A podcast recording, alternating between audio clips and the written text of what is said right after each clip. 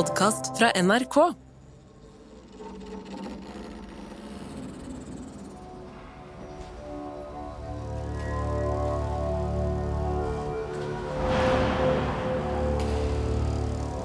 Kristiansborg slott i København, midt i hovedstaden til kongeriket Danmark-Norge, året 1784.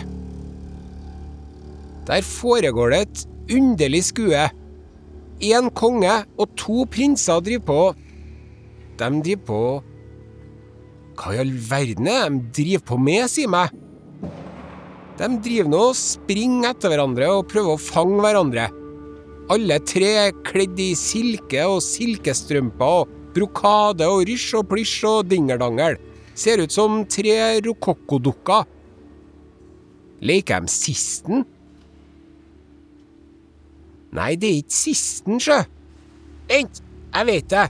Det er en dansk 1700-tallsversjon av aerobic, for de hopper og spretter og tøyer og bøyer seg. Nei, det er ikke det heller. Fanken. Underlig er de i hvert fall, de her tre kongelige personene, det må jeg si. Alle tre er små. Lav, tynn, liten av vekst. Den eldste er liten og elegant, men når du ser nærmere etter, så ser du at den ser ikke helt god ut. Det er noe galt med den. Den mellomsten er liten og veldig uelegant. Klebbete og pinglete. Den tredje, han er yngst. Han er liten og spinkel, han òg. Veldig bleik, med helt hvite øyenbryn. Han springer rundt bordet med et papir i hånda. Han mellomsten jager etter han. Nå slåss de. De dasker løs på hverandre. Det ser ikke bra ut. Men det ser ikke så veldig farlig ut heller. Få det papiret, roper mellomsten. Nei, roper den yngste, bleikingen. Slipp, roper mellomsten. Du slipp, svarer bleikingen. Og så roper mellomsten. Mamma! Mamma, kom og hjelp meg, mamma! Og i midten står eldstemann og bare vugger og rugger fram og tilbake mens han sikler litt i munnvikene og flirer snålt. Han som vugger i midten, det er kongen av Danmark-Norge, Kristian den 7. Mellomsten er halvbroren hans. Bleikingen er kongssønnen. De er prinser begge to både mellomsten og bleikingen. Og begge heter Fridrik. Jeg tipper at de mm, Jo, det er noe slags innslag av noe slag. Det er en kongelig kabaret. Det må være kongefamilien som skal ha en humoristisk opptreden i et familieselskap eller noe. Nei, det er ikke det. Det her er ikke humor. Det er blodig alvor. Det er statskupp, er det. Visst fanken statskupp. Og det er ikke første gangen for denne kongen. Og det er ikke andre gangen heller. Det er tredje gangen det er statskupp nummer tre. Alarm! Alarm!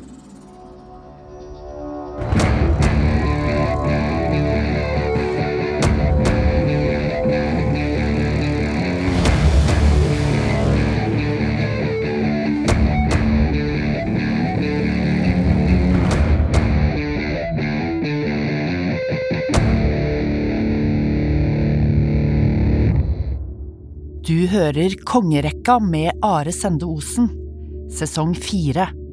En podkastserie om de norske kongene. Episode åtte Kristian sjuende og Fredrik den sjette. Kongen som skrev under på alt.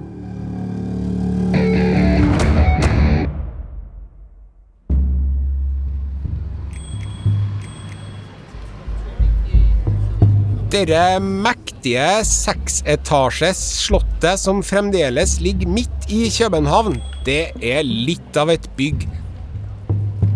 Der har danskene Stortinget sitt, Høyesteretten sin, statsministeren sitt kontor, pluss at den danske kongefamilien har deler av slottet fortsatt.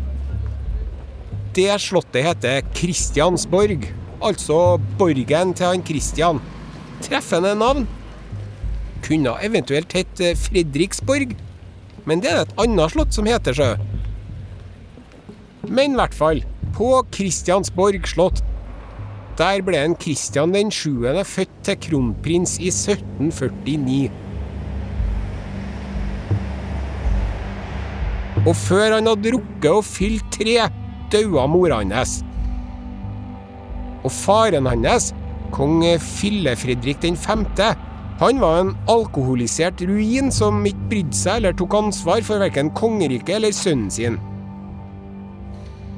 Faren gifta seg kjapt med ei ny dame.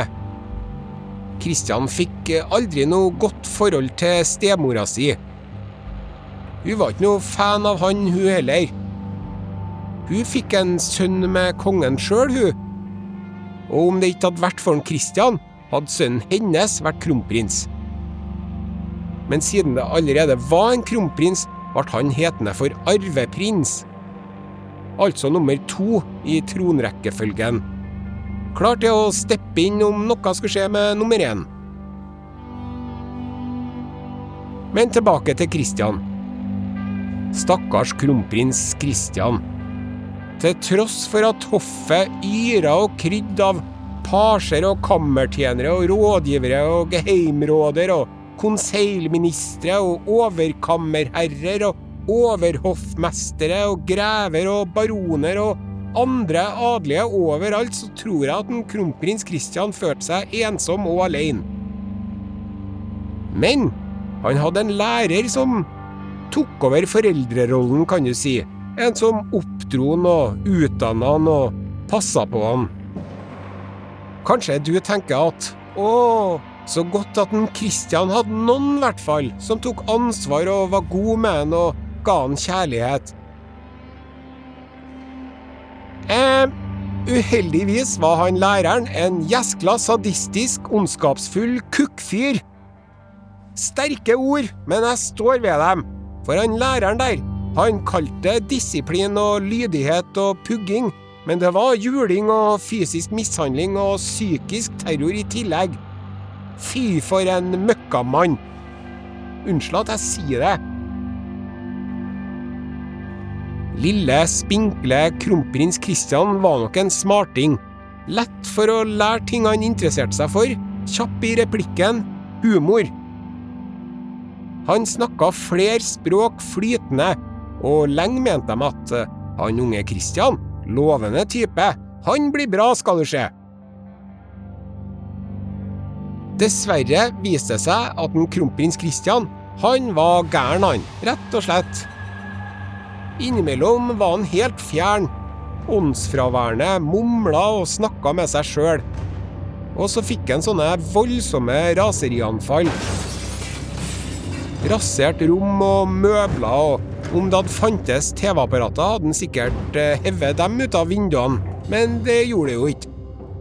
Han heiv rokokkostoler og skrivebord og fotskamler og terriner og hva vet jeg, ut av vinduene. Når han ikke gjorde det, så drev en Christian og onanerte. Mye. Jeg mener mye. Kjempemye. Og de mente at all denne overdrevne onaneringa, det var det som gjorde han sinnssyk. Den gangen hadde de all slags underlige forestillinger om at når man onanerte og fikk utløsning, var det hjernemasse og ryggmarg og greier som spruta ut, og det var ikke måte på hvor farlig onani var, og hvor bederva og sjuk man kunne bli av det. Folkens, jeg vil nå gjerne få si at jeg er et levende, vandrende bevis på at man ikke blir gal eller sjuk av å onanere. Just saying. Onani, sunt og godt og renslig, og det verste du kan si om det, er at det kan bli litt ensomt innimellom. Men så lenge du gjør det for deg sjøl, og ikke plager andre med det, så er det bare å kjøre på. Det er ikke noe galt med det. Men han kronprins Christian, han holdt på med ting som var enda verre enn onani i sjø. Hæ? Er det mulig? Ja visst. De mener at den mest sannsynlig var homo. Er ikke noe galt med det. I dag, nei, men den gangen var det nei-nei. Det var noe historie om at en Christian hadde drevet og sexa med tjenerne sine, og om det er sant, er det neppe den første kongen som har gjort det, men gisp! De her tjenerne var av samme kjønn. Så de tjenerne ble nå sendt bort, og da var det vel bare å fortsette å onanere for Kristian, da. Spør du meg, er den her veldig hyppige onanien mer et eh, symptom på at Kristian hadde problemer, enn årsaken til problemene. Det kan godt være at det ikke var lærergjeskelen sin skyld at en Kristian var tullete, sjøl om jeg personlig holder en knapp på det. Men det kan jo ikke ha hjulpet heller. Eller så kan det hende at en Kristian var gal fordi det var noe som gikk i familien. Hvem vet? Fetteren hans, som ble konge borte i England, han var sprø som et knekkebrød, han òg. Så jeg vet ikke, jeg, men det høres jo ikke umulig ut. I 1766 døde far Fille-Fredrik 5., og 17 år gamle Kristian ble konge. Dessverre viste det seg at kong Kristian 7. var enda snålere og sprøere enn han hadde vært som kronprins. Så dere folkene ved hoffet de fant ut at uh, kanskje det kunne hjelpe hvis han fikk seg ei dronning. Vi prøver, hvorfor ikke? Caroline Mathilde var ei engelsk prinsesse, dattera til den engelske kongen og kusina til kong Kristian. Da de gifta seg, var Caroline 15 og Kristian 17. Det ekteskapet var ikke noe suksess. Kong Kristian veksla mellom to måter å behandle Caroline på. Enten var han likegyldig, eller så var han ondskapsfull. Og kong Christian, gay som han nesten helt sikkert var, var ikke noe interessert i dronninga si på bibelsk vis, som de sier. Altså ekteskapelig. Uff, jeg orker ikke å legge fingrene imellom. Han ville ikke sexe med kona si. Han var jo homo. Han var jo det. Samtidig var alle sammen opptatt av at du må få deg en arving, kong Kristian. Kristian, Kristian, du må få deg en arving, Kristian. Skal ikke du få deg en arving? Hæ? Hæ? Etter at eh, ungdommene hadde vært gift et halvt år, ble det etter mye om og men og mye overtaling og falske kjærlighetsbrev. Ja, falske kjærlighetsbrev, ja. Uten at en kong Kristian visste om det, var det en fyr ved hoffet som skrev romantiske kjærlighetsbrev til dronning Karoline, signert med kongens navn, og ga det til dronninga. Så til slutt klarte de å få organisert et besøk av kongen inni dronningens kammer. Dronningens kammer, både bokstavelig og billedlig talt her, da. Stemmer, jeg sikter til sexing. Det var nå sikkert en klein og ubekvem og ubehagelig opplevelse for både kong Kristian 7. og dronning Karoline, men huh, heldigvis ble dronning Karoline gravid og fødte en sønn, en kronprins, etter at de hadde vært gift i nesten to år. Så da slapp nå dem å pule noe mer, da. Det var synd på en stakkars forvirra, fortapte kong Kristian. Men det var nok ganske synd på dronning Karoline òg, mutters alene i et fremmed land. Da dronning Karoline kom til Danmark fra England, hadde hun med seg et lite hoff, som seg hør og bør for en prinsesse den gangen. En gjeng engelske hoffolk og tjenere. Men med en gang de kom til Danmark, ble hele hoffet hennes sendt tilbake til England tvert, og erstatta med danske tjenere. Og de danske tjenerne fikk klar beskjed ikke å snakke engelsk til dronninga, for da lærer hun å snakke dansk desto fortere. Verken Karoline eller Christian hadde noen i sitt hjørne, liksom. Her hadde du to ensomme, usikre, unge mennesker uten noen gode personer til å passe på seg eller ta vare på seg eller hjelpe seg. Alle sammen ved hoffet og i byråkratiet var bare ute etter å mæle sin egen kake og fremme sin posisjon. Så det var et eh, gjeskla dysfunksjonelt miljø, rett og slett. Årsaken til hele det her ulykksalige ekteskapet var jo et fåfengt håp om at kongen skulle skjerpe seg og slutte å være så crazy. Det lyktes nå ikke. Nygifte Kristian 7., året etter at han ble konge, så sa han at nå skal jeg ha meg et friår.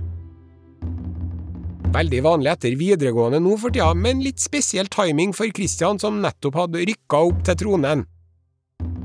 Ja vel, sa de. Friår? Snodig idé. Hvorfor det? Nei, jeg skal nyte friheten og rase fra meg. Han sa det sånn, ordrett. Jeg skal nyte friheten og rase fra meg, sa kongen.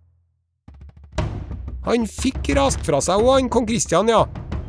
Kongen herja rundt på kneiper og kroer i Kjøben, med dårlige venner, unge hoffmenn og offiserer og all slags utskudd og riffraff, og de var ikke gode. Ramponert og herja, laga kvalm og sloss med vektere. Vekterne passa på både at folk holdt seg i ro, og på klokka. Ordensmakt og frøken Ur i ett. Og stadig vekk henta en kong Kristian 7., lille spretten, kom ut fra rommet sitt på slottet om morgenen etter en eh, vettløs og vanvittig kveld på byen og sa Sjå hva jeg ordna meg i natt. Og så vifta han med ei morgenstjerne han hadde tatt ifra vekterne. Morgenstjerna det var standardutstyret til vekterne. Et langt håndtak med en kule på enden som det stakk pigger ut av, og den brukte de å dælje i hodet på folk. Og da hadde han rappa den ifra vekterne kvelden før, og syntes det var skikkelig stas. Nå blir det ikke vær, tenkte folkene ved hoffet. Men det ble det. Kong Kristian ble kjent med Støvlett-Katrine, nemlig.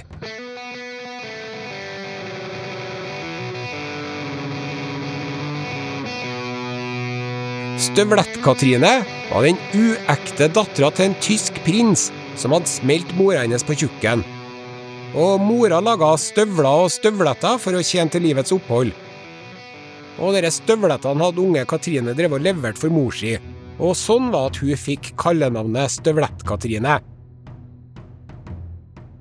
Støvlett-Katrine hadde både vært elskerinna til den engelske ambassadøren og prostituert, men nå var plutselig bestisen til kongen. Og radarparet for rundt på byen med en gjeng med kompiser og sloss og herja på puber og barer og kroer og bordeller og hevna seg og jekka ned alle Støvlett-Katrine hadde et horn i sida til. Og det var mange. Hvis du var en tidligere kunde hun Støvlett-Katrine mente ikke hadde gjort opp for deg ordentlig, eller ei anna prostituert Støvlett-Katrine mente hadde kødda med seg, da sleit du. Om kong Kristian og Støvlett-Katrine var elskere eller ikke, er man ikke helt sikker på. De sier at Støvlett-Katrine drev og piska kongen innimellom, og at begge syntes det var greit. Hjem på slottet holdt ministrene styr på riket, og kong Kristian skrev under der det trengtes når han var innom slottet, i bakrus. Men så fikk Støvlett-Katrine seg leilighet av kongen. Og så dukka Støvlett-Katrine opp på kongelige teaterforestillinger. Og så møtte Støvlett-Katrine opp på maskeradeball på Slottet. Herre ble rent for mye for ministrene og de adelige og intrigemakerne ved hoffet. De ble bekymra for at Støvlett-Katrine skulle få for stor makt over kongen, og påvirke han og manipulere han. Hva fanken? Det var det jo dem som skulle gjøre. Og så begynte ryktene å spre seg om at det var Støvlett-Katrine som hadde fått kongen til å gi en kabinettsekretær, altså en veldig viktig hoffmann, sparken. Men verst av alt, noen drev og hviska at kongen tenkte å gi henne adelstittel. Herre kunne ikke fortsette. Så de var en gjeng som passa opp kongen en dag hun Støvlett-Katrine ikke var der, og sa at Kristian, hvis du ikke gir oss Støvlett-Katrine på båten, så blir russerne sur på oss. Russerne? Hvorfor skulle de bry seg om det? Uansett. Og det kommer til å bli opprør, Kristian! Og stakkars kong Kristian fikk panikk og skrev noe under på et papir de stakk i hånda hans. og på det papiret sto det at Støvlett-Katrine skal utvises, og så ble hun sendt ut og vekk til et tukthus i Tyskland.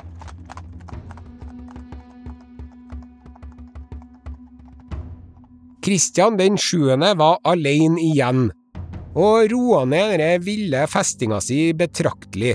Det var jo bra. Men samtidig ble han helt sløv og likegyldig og apatisk, og det var jo ikke bra. Så da fant jeg på noe nytt, de folkene som styrte bak i kulissene. Vi sender en kong Kristian på utenlandsreise. Det blir bra. Det får han si, gitt. Først får kongen friår for å feste, og så skal han på backpacking. Det er noen som har det. Men kongen er jo ikke frisk, var det noen som innvendte. Fst, vi sender med en lege, da, vet du. Ikke vær så negativ du nå. Så de fant igjen en ung, kjekk tysk lege som kunne passe på han, og sendte dem av gårde. Kong Kristian og følget hans dro til Tyskland og Nederlandene, og så for de over til England. og I England gjorde han godt inntrykk, han Kristian. Han var gavmild mot folkemengden, arrangerte maskeradeball, fikk ærestitler ved både Oxford og Cambridge, og så for han på horehus i London og raserte rommene han lånte på et av slottene til den engelske kongen. Så det var både positive og negative ting ved det englandsbesøket. Etter ei stund for de over kanalen igjen til Frankrike. Der møtte Christian filosofer og matematikere og forfattere og andre vitenskapsmenn, og gjorde et godt inntrykk på dem, og gjorde han faktisk, enda så gal han var. Den utenlandsturen skulle egentlig vare i to år, den, men etter åtte måneder kom de hjem igjen. Og kong Kristian 7. han satte nå aldri sine bein i Norge, gjorde han ikke. I løpet av denne utenlandsturen hadde Kristian blitt galer og galer, og nå var det sånn at hver gang kongen skulle vise seg fram offentlig, da drev alle sammen og spekulerte. Hvordan blir det nå, da? Blir kongen kjempesjarmerende, eller blir han klin kokos? Og du kunne like gjerne slå mynt eller kron som å prøve å forutse dette på noe vis. I dag mener mange at Kristian 7. han var schizofren at han hadde en alvorlig psykose med vrangforestillinger, funksjonssvikt, kognitive problemer eller, som de sa, gal. Men det var én mann som gjorde kongen litt mindre gal, som eh, virka beroligende på han. Det var den kjekke tyske legen som hadde vært med han på tur. Struense het han, og Struense ble forfremma fra kongens reiselege til kongens livlege. Og livlegen sa at det er best at kongen får være for seg sjøl på slottet. Kongen må få være i fred på rommet sitt. Det fikk han. Kongen og Struense hadde hyggelig sammen og diskutert moderne tenkere og sosiale reformer og individets frihet og filosofer og teaterstykker. Både kongen og livlegen var opptatt av nye tanker og ideer, nemlig. Nå var de jo midt i opplysningstiden. Kongen stolte på Struense, og etter hvert så fikk Struense mer og mer innflytelse og mer og mer makt. Og Struense drev og sa til alle sammen at eh, kongen vil ditt og kongen vil datt. Men i virkeligheten så var det Struense som ville de her tingene. Og når Struense sa om hoffets mektigste menn, som hadde hatt styringa lenge, at kongen ville at de skulle få sparken og pelse hjem til Tyskland, som regel, så ble det sånn. Kongen skrev under nødvendige papirer uten å mukke, sjøl om det var Struense sin plan. For dere hoffolkene hadde vært konkurrenter og rivaler for Struense, dem da. En av dem som fikk sparken, var den kjipe lærergjeskelen som hadde drevet og banka kong Kristian i barndommen. Livlegen kontrollerte kongen, som stadig ble sprøere og sprøere. Han kong Kristian var mest for seg sjøl. Når han ikke var sammen med Struense, eller leka med en eksotisk sort tjener, eller kanskje at han leka med hunden sin. Kong Kristian hadde nemlig en hund han var veldig glad i. En Grand Danois, altså en stor danske. Og den var stor òg, den hunden, ja. En ekstra Grand Grand Danois. Og kong Christian var jo en veldig liten mann, så kongens hund var sikkert like høy som kongen sjøl omtrent. Den hunden var kongens trofaste følgesvenn, og 100% trofast mot sin herre. Og da antageligvis den eneste som var det. Struense, nemlig. Dessverre, må jeg si. Han òg svikta og misbrukte kongens tillit. Nå som han hadde kontrollen, var han ikke så snill og grei og hyggelig og kul og overbærende med en kong Kristian lenger. Han Struense ansatte en fyr, en greve som var på sitt lag, til å ha ansvaret for hoffets forlystelsesliv og kongens garderobe. Dessuten kongelig oppasser. Og han oppasseren, han het Enevold Brant, men burde ha hett Voldelig Brant. Han drev og slo kong Kristian med en stokk når han ble for utagerende. Hæ, for et opplegg! En ny kjiping som drev og dengte kongen. Hvorfor slutta Struense å passe på kongen sjøl, da? Det var jo det som var den egentlige jobben til livlegen. Hva var det han var så opptatt med? Jeg skal fortelle deg hva Struense var så opptatt med. Han drev og pulte på dronninga.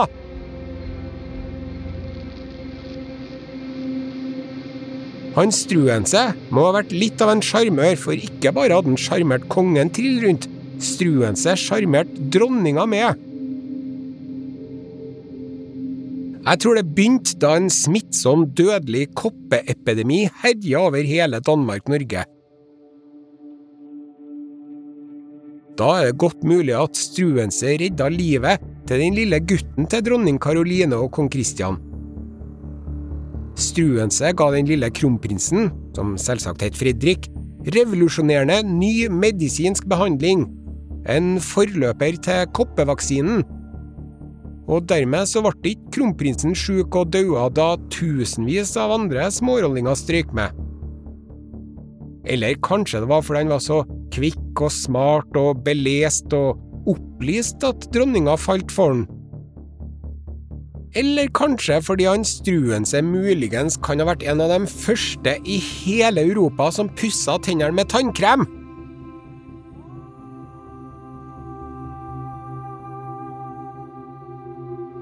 Ok, kortene på bordet. Dere med at en Struense brukte tannkrem, det er ikke 100% sikkert, men jeg kjøper det. Tenk deg sjøl, da. Alle menneskene i hele verden har den dårlige, heslige, gamle panserstålånden. Og så kommer det en mann med et friskt pust av Ok, kanskje ikke Stimorol, da, men i hvert fall en mann med reine tenner som ikke lukter grevling. Det er jo som en superkraft, det der. Så dronning Karoline, som nå hadde rukket å blitt 18-19 år, var nok et eh, lett bytte da traff en hyggelig, opplest, opplyst, høy, blond kjekkaslege som hadde nettopp passert 30. Med tannkremånde, nevnte jeg det. Det var som en legeroman. Så de holdt på ganske så åpenlyst.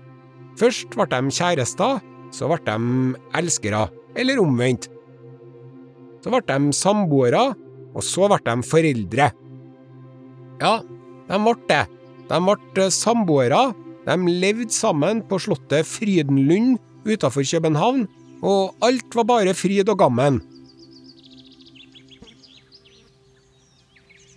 Men det var ikke det, for tjenerne drev og spionerte på dem og sladra.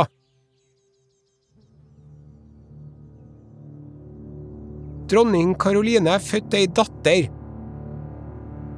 Og den eneste i hele riket omtrent som ikke var klar over at den ungen var Struense sin, det var kong Kristian den sjuende.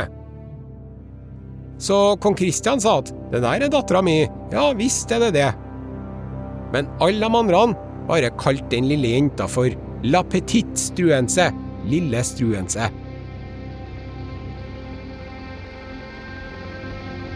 Det at en Struense tok makta i Danmark på dette viset, det var rett og slett et kupp, var det.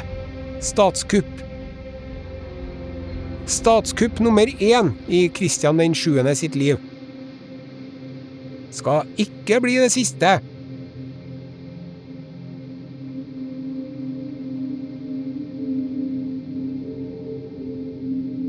Kong Kristian var en viljeløs dukke i dukkemaker Struense sine hender, og signerte alle papirene som Struense la framfor han. Og det var mange papir som ble signert. Jæven var mye reformer i samfunnet. Offentlige ansettelser skulle skje etter kvalifikasjoner og ikke bekjentskaper. Det statlige byråkratiet skulle forenkles. Godseierne skulle få mindre makt. Skole og fattigvesen skulle forbedres. Dødsdom for tyveri ble avskaffa. Tortur som avhørsmetode, det også avskaffa. Struense la ned kongens livgarde. Bestemte at alle husene i de store byene skulle få seg gatenummer. Og innførte full ytringsfrihet. Faktisk. Alt i alt så innførte han Struense 1800 nye lover på ett og et halvt år. Moderne, progressive, fornuftige lover. Men dessverre, Struense fungerte jo som en diktator. En opplyst, fornuftig diktator, men lell. Og det skjedde altfor mye altfor fort. Og Struense terga på seg altfor mange mektige folk. Og det at han innførte ytringsfrihet over hele fjøla, det kom tilbake og beit han i rumpa. For folk snakka og sladra og ytra seg om forholdet mellom livlegen og dronningen i eininga. De skrev legeromaner, rett og slett. Og Struense kunne ikke stoppe det.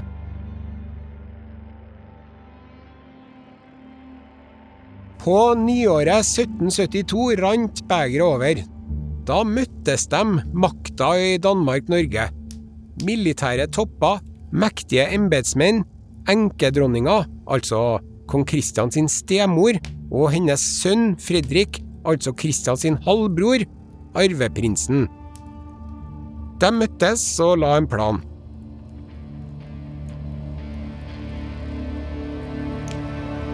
Natt til 17. januar arresterte de Struense og garderobeansvarlig Brant, som hadde banka kong Kristian. De hadde arrestordre på dem, som ikke var underskrevet av kongen, men det var det ingen som brydde seg om. Struense og Brant ble satt i arresten, og så ble de forhørt. Og til å begynne med var han Struense i godt humør, ifølge protokollen. Men så fikk han en klinkende tone, står det. Og så tilsto han at han hadde hatt et forhold til dronninga. Det er litt interessant at da Struense skrev under denne forhørsprotokollen, så ligna signaturen hans akkurat på hvordan han skrev navnet sitt et par år før. Og da hadde han falt av hesten og knekt hånda, så den var ikke helt topp, den autografen hans, for å si det sånn.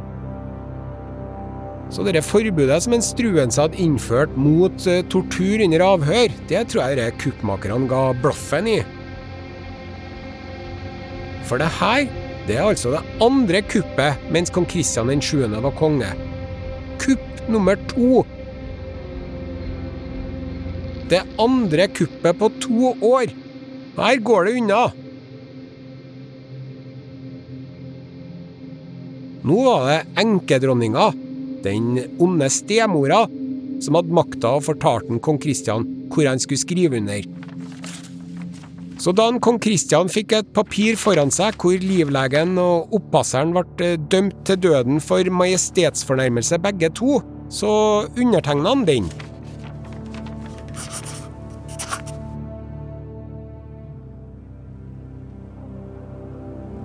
I april 1772 ble Struense og Brant tatt med til et område rett utenfor Kjøben, som i dag er en vakker park og populært turområde.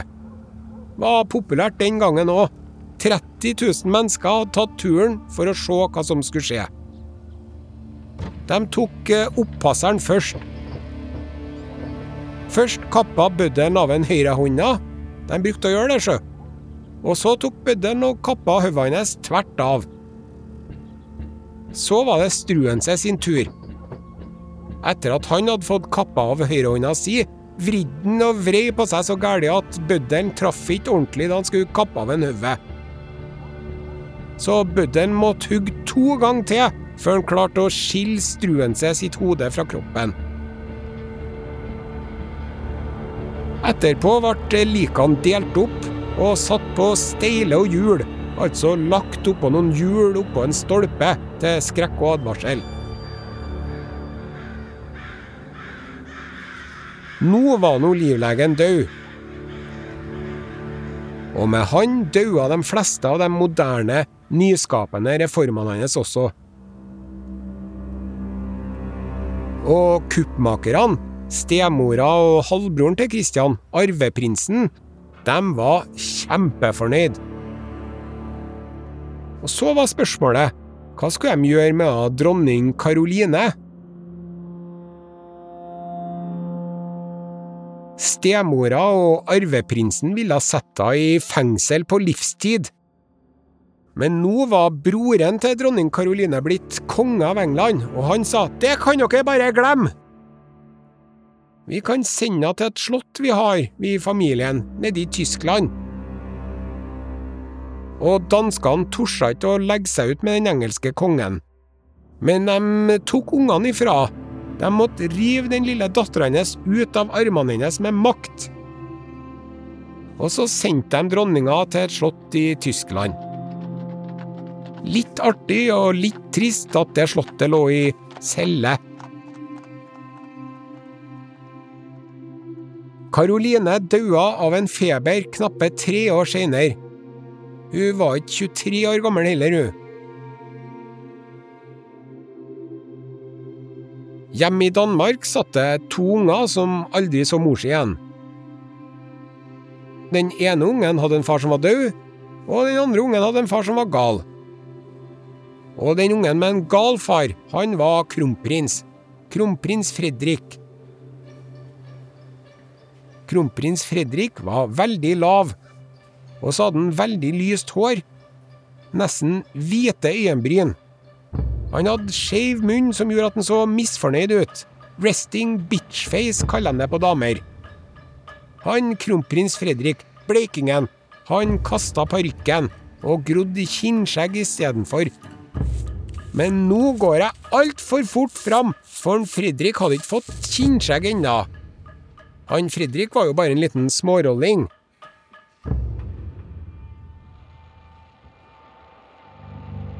Det var synd på alle hovedpersonene i den historien her. Det var synd på den gale faren Kristian den 7. Det var synd på den stakkars ensomme mora dronning Karoline. Og det var synd på den torturerte, henretta Struense. Men det var bedre synd på han kronprins Fredrik også. Da han Fredrik var liten gutt, så satt nå faren hans for seg sjøl og onanerte når han ikke ble banka av oppasseren sin eller leka med hunden sin. Og mora hadde jo fått seg en ny kjæreste, livlegen, reservepappa til en Fredrik, kan du si. Og sånne reservepappaer, noen ganger er de greie, noen ganger er de ikke. Struense var ikke grei. Han Struense, skjønner du, han var opptatt av moderne teorier om barneoppdragelse, så hvis eh, ungen datt, da skulle hun reise seg sjøl. Og hvis ungen syntes det var skummelt med bratte trapper, da satte du frokosten til ungen øverst i trappa. Ungen skulle klare seg sjøl. Faktisk, jo mindre du snakka med ungen, jo bedre. Fredrik han bodde avsondra fra de andre på slottet. De hadde en hund og et par bondedrenger som passa på han. Han for omkring på egen hånd. En gang holdt han på å drukne i en dam. Etter det gjerda de inn den dammen. Men det var fortsatt mye kalde avrivninger på han. Og sko og strømper, det fikk han først etter at han hadde gått barbeint i kulda så lenge at han hadde fått frostskader. Så kronprins Fridrik Fredrik han burde ha gått til grunne, han. Men du veit, løvetannbarn, sant? De ungene som klarer seg mot alle odds. Sånn var han kronprins Fredrik. Han var et eh, løvetannbarn som pressa seg opp og fram, tross motstand.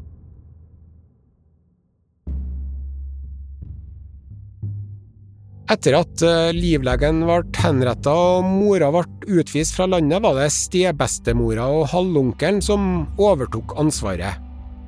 Og jeg sier ikke at eh, stebestemora og halvonkelen ønska livet av en Fredrik, men de kunne vel egentlig godt tenke seg at han ikke eksisterte. Sånn gikk det noen år. Da han Fredrik ble eh, konfirmert, var han voksen og dermed skulle han, siden han var kronprins, tas opp i statsråd, altså han skulle få være med på møtene som kongen hadde med regjeringa si. De som virkelig bestemte, stebestemora og arveprinsen, de mente jo at denne møtedeltagelsen hans var mest til pynt. Men han Fredrik sjø, han hadde en plan. Og den planen hadde han jobba med lenge, sjøl om han bare var 16 år. Han Fredrik, da han ble tatt opp i statsrådet, da stakk han et papir framfor far sin, som han skrev under automatisk, sånn som han brukte. Men på det papiret her så sto det at fra nå av, hvis et dokument ikke hadde kongens og kronprinsens underskrift, så gjaldt det ikke. Må ta begge to. Genialt. Statskupp. Statskupp nummer tre. Og herre her kommer som et eh, lyn fra klar himmel på enkedronninga og arveprinsen, som egentlig styrte i Danmark-Norge, eller styrte inntil for 30 sekunder siden. Så arveprinsen bare Hva er det som skjer nå? Og kronprins Fredrik bare Nå er det jeg som er sjefen. Kronprins Fredrik vifta med dokumentet faren nettopp hadde skrevet under, og nå ble alt et svare kaos Kronprins Fredrik hadde ett underskrevet dokument som ga han makta, men han trengte faren til å skrive ned på enda et for at det skulle gjelde på alvor. Så arveprinsen stakk av med kongen og låste seg inn på et rom. Og kronprins Fredrik sto utafor og dundra på døra og ropte 'slipp meg inn'. Og arveprinsen ropte 'ikke fanken'. Og den gale kongen ropte han òg. Han ropte 'hva er det som skjer'? Og han arveprinsen, uselvstendig type, han tenkte hva skal jeg gjøre nå? Jeg veit det. Mamma! Jeg må ha mamma! Så han lurte opp ei dør og hviskeropte forsiktig. Mamma! Mamma! Arveprinsen tok kongen i armen og lista seg bortover gangen mens han forsiktig ropte Mamma! Mamma! Og da var det at kronprins Fredrik spratt fram. Ha-ha! Gi meg far min! Gi meg dokumenter, ropte arveprinsen. De sprang rundt i rommet, alle tre etter hverandre.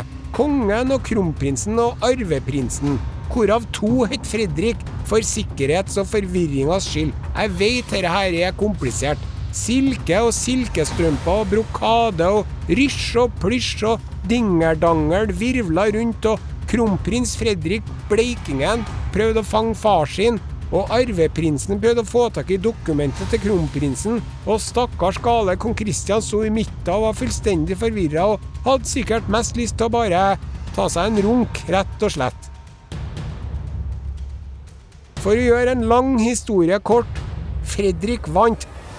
Ja, det skjønner jeg vel, jeg og det, men hvilken Fredrik? Vår Fredrik, altså kronprinsen eller arveprinsen?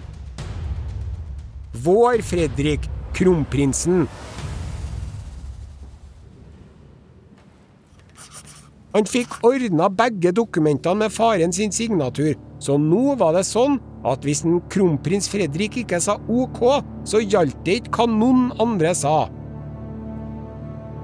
Det her var altså det tredje statskuppet mot kong Kristian den 7. Nå var det gått ei stund siden sist, godt over ti år siden noen hadde kuppa han. Nå var Fredrik konge, unnskyld, kronprins, kronprinsregent. Fredrik var jo ikke konge offisielt, for faren, Kristian den 7., var liksom eneveldig konge livet ut. men det var kronprins Fredrik som bestemte. Arveprinsen og stebestemora var ute av spillet. I 24 år var det kronprinsregent Fredrik som styrte Danmark-Norge i Crazy Christians navn. Da han fikk slag og daua, ble Fredrik den sjette konge i navnet òg. Og så fortsatte han å bestemme, eneveldig, som han hadde gjort lenge allerede. Fredrik den sjette var en arbeidsom og velmenende konge, som kanskje hadde litt for høye tanker om både seg sjøl og om eneveldet. Men han var populær, ble hylla på tur i Norge, og det meste var på stell i riket. Men postkassa, det var han mot. Han, kong Fredrik den sjette, han mente at hvis vi setter opp postkassa overalt, da kommer folk til å sende altfor mye tullebrev, så det blir for brysomt for postvesenet. Så ganske klarsynt eh, type, egentlig. Forutså det med spam 200 år før det kom.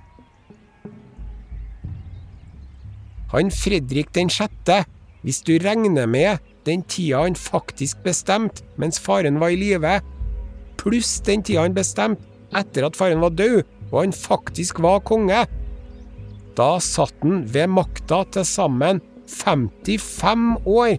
Det er lenge for en løvetann. Men mens alle slottsintrigene utspilte seg, hvordan gikk det egentlig med Norge og verden? Det skal jeg fortelle deg. Det koker. Kuler, krutt og kanoner. Og en hissig liten korsikaner som heter Napoleon. Året er 1814.